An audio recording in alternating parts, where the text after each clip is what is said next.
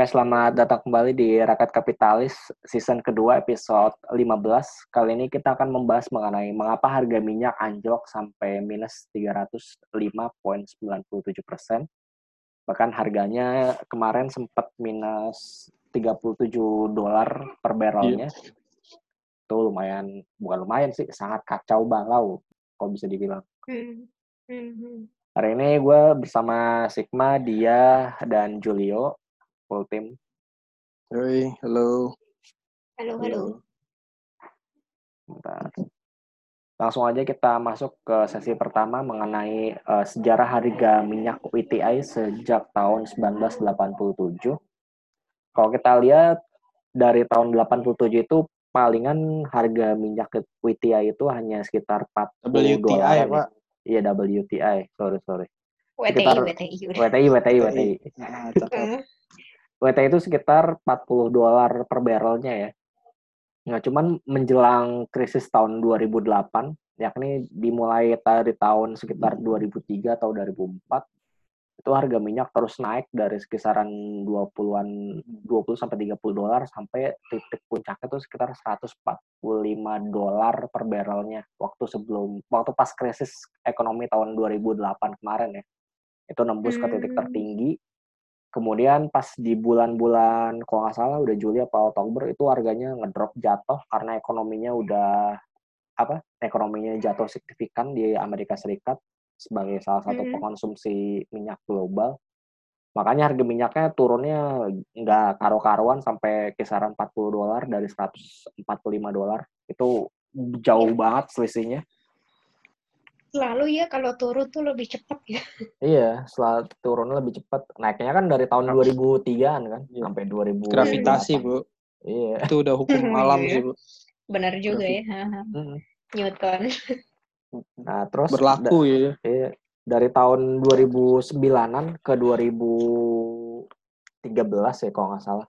Itu harga minyak mm. boom lagi dan harga komoditas yang lainnya juga boom. Itu juga mempengaruhi perekonomian Indonesia. Waktu itu juga harga CPO oke okay, karet oke okay. karet gua kurang tahu sih. Yang jelas harga CPO batu bara nah sama minyak itu naiknya lumayan kencang. Maka ekonomi kita juga jalannya lumayan bagus waktu itu. Sampai hmm.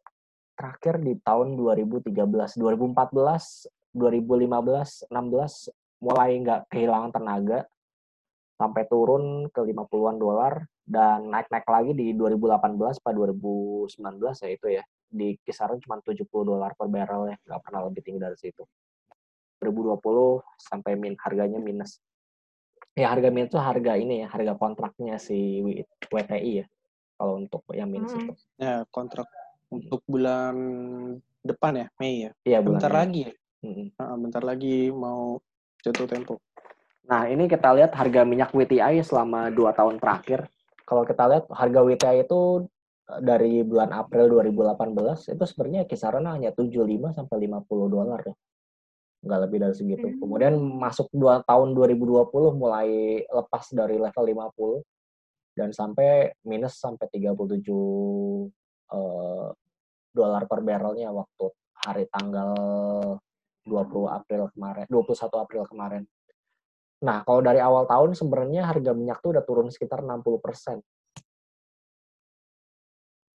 Dari Jadi, awal tahun. Iya, dari awal tahun. Jadi ya bisa kebayang bagaimana harga komoditas yang lainnya seperti CPO, batu bara, nikel dan kawan-kawannya uh, itu juga kemungkinan itu juga pasti akan ikut turun.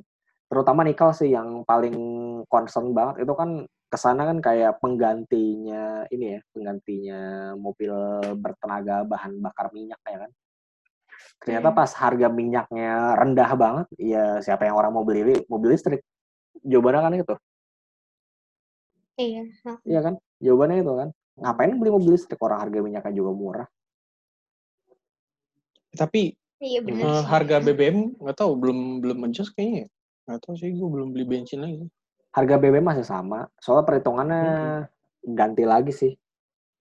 Hmm. Perhitungannya gak ganti mungkin. lagi. Iya kan nggak mungkin langsung ekstrim adjust harga. Padahal kan harusnya iya ya. Iya harusnya iya. Kalau yang untuk Pertamax dan lain-lain ya yang nggak disubsidi. Hmm. itu belum di adjust juga. Katanya sebaca gue sih adjustnya dua bulan sekali. Perhitungan juga beda sama perhitungan yang dulu sih. Hmm. Jadi dirubah-rubah lagi perhitungannya. Kalau mau lihat jelasnya mungkin bisa dibaca-baca di internet karena gue kurang paham kalimat-kalimat kata undang-undangan dari pemerintah. Mungkin kita lanjut aja. Nah, ke topik utama kita, mengapa harga minyak anjlok sampai 305,97 persen atau minus 37 dolar? Yang pertama kita lihat adalah hal-hal yang perlu diperhatikan atau perlu diketahui dari harga minyak yang negatif. Yang pertama, harga minyak yang dirujuk adalah harga minyak mentah kontrak berjangka. Jadi bukan harga minyak real ya guys. Bukan harga minyak real. Ya, Jadi bukan spot. Iya, bukan spot. Jadi itu harga kontraknya di masa yang akan datang di bulan Juni ya. Eh, Mei, di bulan Mei. Nah, minyak mentah itu ada banyak jenisnya. Ada brand, ada West Texas Intermediate atau WTI, eh WTI, sorry, gue salah sebut lagi. Kemudian ada OPEC Reference Basket, dan ada masih banyak lagi. Perbedaan yang mendasari jenis minyak tersebut adalah salah satunya karakteristik minyaknya. Nah, minyak mentah yang kemarin minus itu adalah jenis WTI atau yang lebih kenal dengan light sweet yang biasanya jadi acuan. Nah, tadi kita udah bahas juga harga minyak sampai minus 37,63 dolar per barrelnya dan penurunan sampai level negatif ini di bawah 0 dolar per barrelnya merupakan yang pertama kalinya sepanjang sejarah. Minyak nggak pernah serendah ini sebelumnya. Untuk yang kontrak ya. Hmm. Kalau sebelumnya tuh paling paling jatuh tuh di harga berapa tuh ya? Yang sebelumnya paling jatuh tuh belasan ya? Kayaknya belasan deh. Belasan, sepuluhan kan kayaknya pernah. Tuh kalau lo lihat di tahun 80-an, 90-an tuh pernah kayak sebelasan sih pernah ya kayaknya ya. Paling rendah Maksudnya segitu. minus sebelas gitu. Oh, enggak, enggak, enggak minus. Enggak, enggak, enggak, enggak minus. Belasan dolar. Ini baru pertama kali minus. Ini pertama kali minus kalau ini. Oh, oke, okay, oke. Okay. Nah, selanjutnya adalah kita bahas kenapa harga minyak futures jatuh sampai negatif. Yang pertama, kontrak futures itu jatuh pada hari Selasa 21 April 2020 yang lalu. Nah, ini ada pendapat lagi, sumber-sumber Bloomberg menunjukkan bahwa pekan lalu USO atau United States Oil of Fund memegang 25% dari kontrak berjangka minyak WTI di bulan Mei tahun 2020 tetapi kontrak itu akan berakhir besok atau maksudnya tanggal 21 April tahun 2020 ya. WTI itu sebenarnya ETF ini ETF untuk minyak sebenarnya USO itu. Jadi ETF kan exchange trade fund. Jadi uh, semacam kayak reksadana yang bisa diperdagangkan kan. Hmm. Nah, USO ini jadi punya kontrak 25% dari kontrak berjangka minyak WTI di bulan Mei. Dia jadi kayak semacam bandarnya inilah kontrak berjangkanya minyak WTI di untuk bulan Mei 2020 lah kesannya kayak gitu. Bener eh, kan? Dia punya 25 persennya. Iya, dia 25 25 persen kontraknya di tangan dia. Uh -uh. 75 persen di tangan lain. Dan gua rasa sih nggak ada yang sebesar dia yang megangnya ya. Hmm. Nah, selanjutnya kan pembeli itu harus ngejual kontraknya ini sekarang atau menerima pengiriman fisik minyak pada akhir Mei. Hmm. Jadi, jadi si USO ini kalau misalnya dia nggak ngejual kontraknya, dia kemungkinan besar bakal menerima pengiriman fisik minyaknya pada akhir Mei. Iya kan? Logikanya kayak gitu kan. Kita beli futures yeah. untuk da pasti kalau nggak kita jual ya kita dapat barangnya pada saat hmm. kontraknya itu habis. Tentu saja ETF seperti USO itu yang berurusan dengan barrel kertas. Maksudnya barrel kertas tuh dia bukan? Bukan fisik gitu. Bukan fisiknya ya. Nggak nggak ingin mengambil kontraknya gitu. Iya, kontraknya doang. Jadi cuma ya. trading trading doang, trading, trading kontraknya doang. doang, trading kontraknya doang. Mm -hmm. Jadi dia nggak mau. Bukan trading fisiknya, dia nggak ya, perlu nggak perlu fisiknya. Karena dia nggak pengen ngambil fisik si minyaknya itu dalam jumlah berapapun dari minyak, bahkan jika mereka dapat menemukan tempat untuk menyimpannya. Hasilnya, mereka harus membuang minyak mereka dan mereka harus melakukannya sekarang berapapun harganya. Ingat, hmm. berapapun harganya. Jadi mau berapa hmm. jual-jual aja terserah deh, mau kayak gimana. Dan bagi mereka yang biasa Hmm. bersedia menerima pengirimannya seperti kilang minyak atau dan maskapai penerbangan telah memastikan bahwa mereka tidak ingin minyak kontrak Mei ini juga. Yang bikin peningnya itu di situ. Jadi Tidak ingin minyak kontrak Mei ini juga. Iya, maksudnya gini loh. Si USO Hmm. ini kan ngelepas barang ya. Hmm. Nah, biasanya nampungin itu kan kilang minyak, maskapai Hmm. penerbangan. Mereka biasanya Hmm. nampungin kan dari harga dari Oh, USO-nya itu. iya. Nah, si kilang Artinya dan demand-nya nggak ada. Iya. Ya. si- iya, si kilang dan maskapai penerbangan ini juga nggak mau Iya, betul, megang betul, betul. barangnya. Intinya Ini itu. orang lagi lockdown gitu kan. Iya, ini Ya, intinya lagi- kan gini. Intinya terjadi karena banyak perusahaan yang menghentikan kegiatan usahanya. Mm-mm. Jadi, Mm-mm. Gua ngapain beli minyak orang usaha gua nggak jalan? Iya kan? Mm-mm. Ke sana kan kayak gitu. Terus kalaupun Hmm. mereka kayak maskapai penerbangan eh, dia beli, mau nyimpannya di mana? Itu kan pertanyaan Iya. selanjutnya. Orang Kalau mau dia mau aja nyimpan- nggak jalan. Iya, dia kalau misal mau nyimpan dia berarti harus nyewa storage lagi kan? Kalau ke depannya, Ya make sense. make sense kan? Ini emang nih gue oke sih. Ini kalau mau baca-baca bisa di oilprice.com tulisan dari Ibu Hmm. Julian Jaeger. Kalau gue nggak salah baca ya.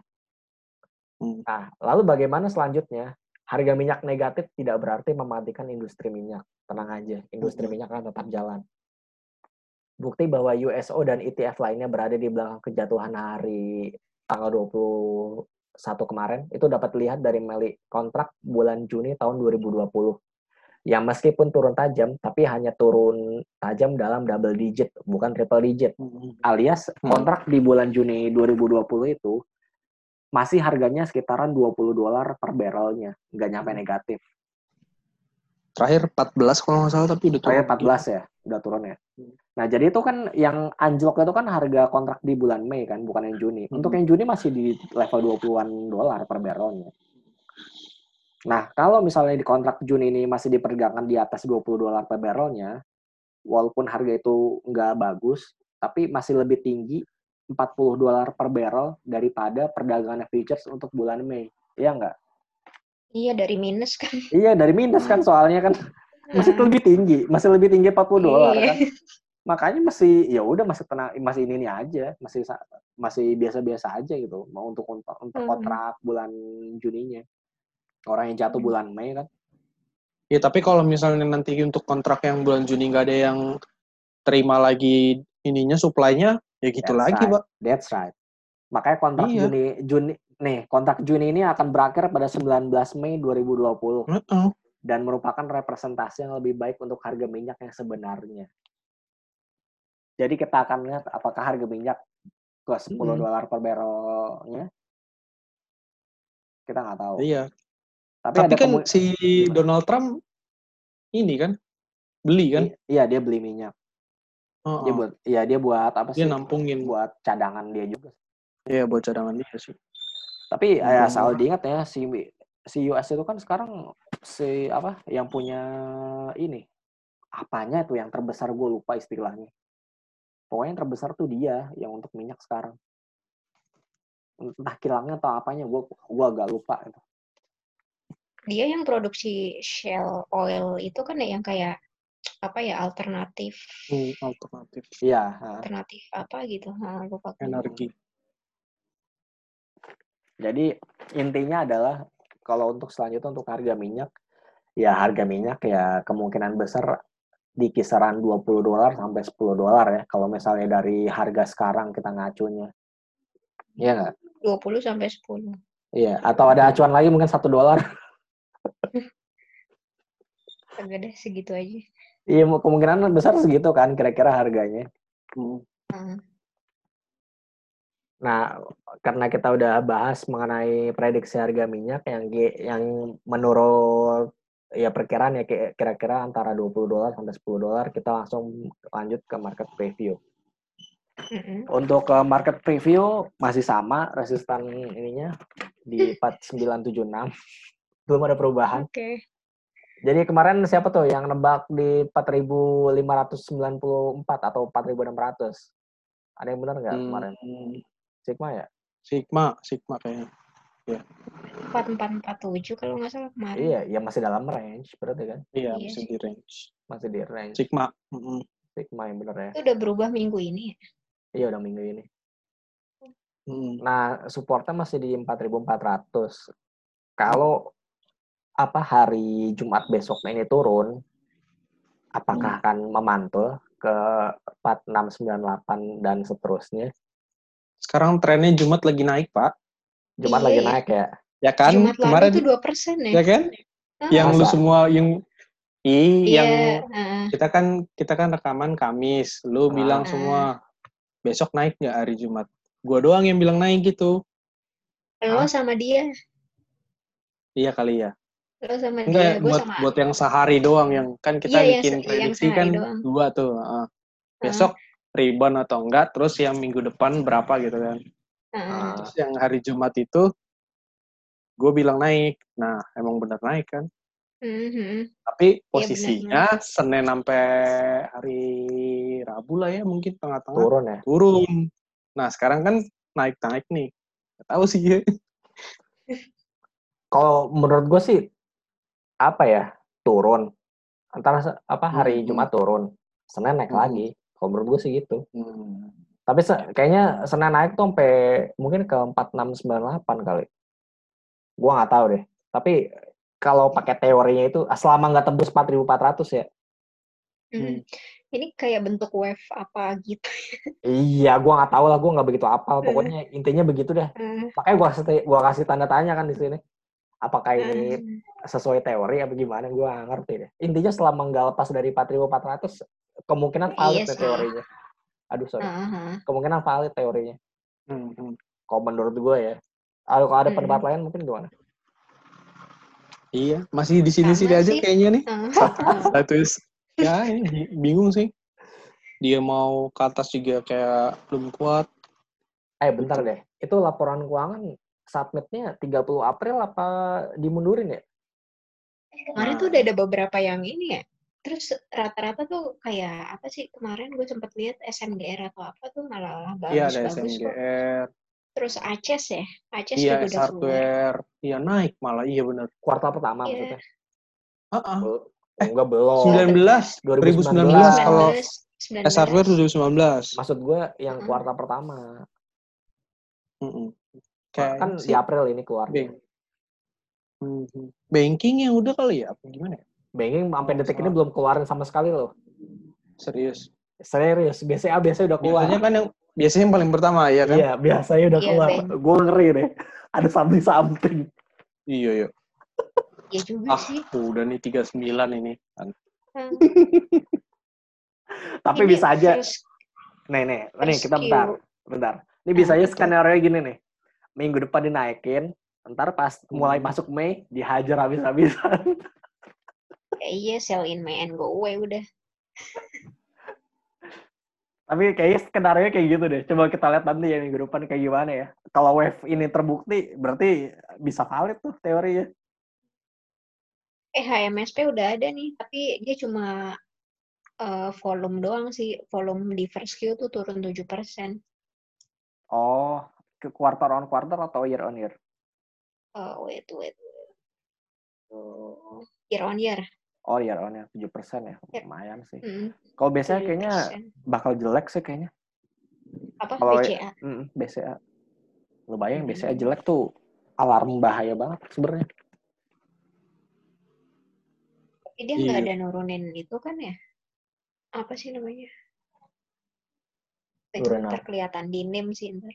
Iya, lihat aja nanti. NIM-nya pasti pada Hmm. turun semua, soalnya kan suku bunga turun. Pasti turun NIM-nya. Oh, iya sih. Eh, Jepin over Q. Oh, 4Q kan, Jepang kan. Oh, Nah, jadi untuk mi- untuk minggu depan gimana prediksinya teman-teman? Mana ya? Minggu terakhir ya? Iya, minggu terakhir bulan April. Ya, gini-gini aja. Target angka deh, target angka, target angka. Target angka ya. Ah, target angka deh. Kayaknya kayak yang lo bilang tadi sih, selama nggak tembus 44 ya mungkin rentangnya masih segitu, 4447 sih. Hmm. Lu Selama nggak tembus. Hmm. Sideways. At Iya, yang least. 44, iya 44, 46 sebenarnya 47. 464 apa? 44, 47 ya, 46 98 ini yang lu bikin ini. Tapi minyak minyak sampai minus kemarin juga nggak terlalu ini ya. Nggak terlalu ngefek ke ini. Harga Nah, makanya ini gua nggak ngerti ini sengaja ditahan-tahan bagaimana gua nggak ngerti deh. Iya kan maksud nggak langsung jatuh gitu. Iya. Soalnya di US kan udah jatuh tuh 2%, 2% gitu kan.